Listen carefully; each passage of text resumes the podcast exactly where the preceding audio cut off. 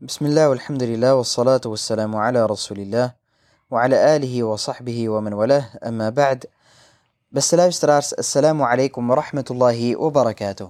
Welkom bij het Ramadan Adviezen, dag 16. Vandaag gaan we verder met het dua. De dua is een van de grootste en belangrijkste aanbiddingen. Het vragen van Allah subhanahu wa ta'ala was een groot onderdeel van de dagelijkse aanbiddingen van onze profeet. De islam leert ons om Allah subhanahu wa ta'ala direct te vragen. Allah subhanahu wa ta'ala heeft gezegd, وَقَالَ رَبُّكُمْ ادْعُونِي أَسْتَجِبْ لَكُمْ En jullie Heer zei, roep mij aan en ik zal jullie verhoren. Wij zijn als moslims niet afhankelijk van een vrome persoon die voor ons Allah subhanahu wa ta'ala moet aanroepen, zoals we dat wel zien bij andere geloven. Dus maak de dua dan ook persoonlijk en gebruik je tijd overdag tijdens de Ramadan om Allah subhanahu wa ta'ala aan te roepen. Wat belemmert je om een moment voor jezelf te pakken en Allah subhanahu wa ta'ala aan te roepen met een oprecht hart? Al is het maar vijf minuten. Hoeveel kan je wel niet vragen in vijf minuten?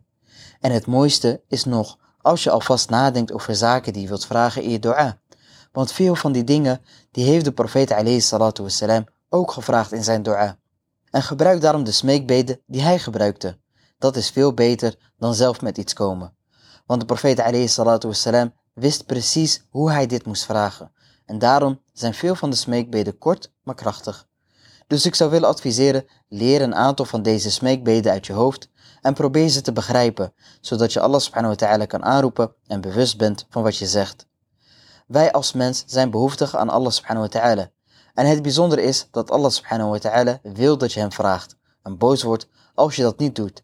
Een dichter heeft ooit de mooie woorden gezegd: La tas'alanna bunayya adama hajatan واسأل الذي أبوابه لا تغلق الله يغضب إن تركت سؤاله وبني آدم حين يسأل يغضب Vraag de zoon van Adam niets, maar vraag degene wiens deuren niet sluiten. Allah wordt boos als je hem niet vraagt. En wanneer je de zoon van Adam vraagt, wordt hij boos. Dus het mogen duidelijk zijn dat Allah subhanahu wa ta'ala wil dat je hem vraagt. En dat hij al-Ghani en al-Razaq is. Niks van wat hij geeft zal iets van zijn heerschappij afnemen. Maar dan blijft de vraag, van wie verhoort Allah subhanahu wa ta'ala zijn dua? En hoe zorg je dat jouw dua verhoord wordt? Allereerst, wanneer je Allah subhanahu wa ta'ala vraagt, vraag je hem met een aanwezig hart. En hiermee bedoel ik, je vraagt Allah subhanahu wa ta'ala en je bent overtuigd dat Allah subhanahu wa ta'ala je hoort en in staat is je alles te geven wat je verlangt. We dienen geconcentreerd te zijn op wat we zeggen.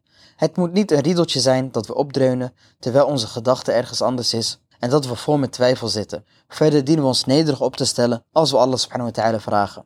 Allah subhanahu wa ta'ala heeft gezegd over de profeten إنهم كانوا يسارعون في الخيرات ويدعوننا رغبا ورهبا وكانوا لنا خاشعين. Voorwaar, zij wedijveren in goede daden en riep ons aan, verlangend en vol ontzag, en ze waren nederig tegenover ons. En Allah subhanahu wa ta'ala heeft gezegd, Ud'u rabbakum tadarru'an wa khufya. Roep jullie Heer aan in nederigheid en zachtheid. Vervolgens dienen we geduld te hebben met de uitkomst van de dua. We dienen volhardend te zijn en veelvuldig te blijven smeken. Vergeet niet dat we beproefd worden, dus het feit dat jouw smeekbede niet gelijk verhoord wordt, kan een test zijn.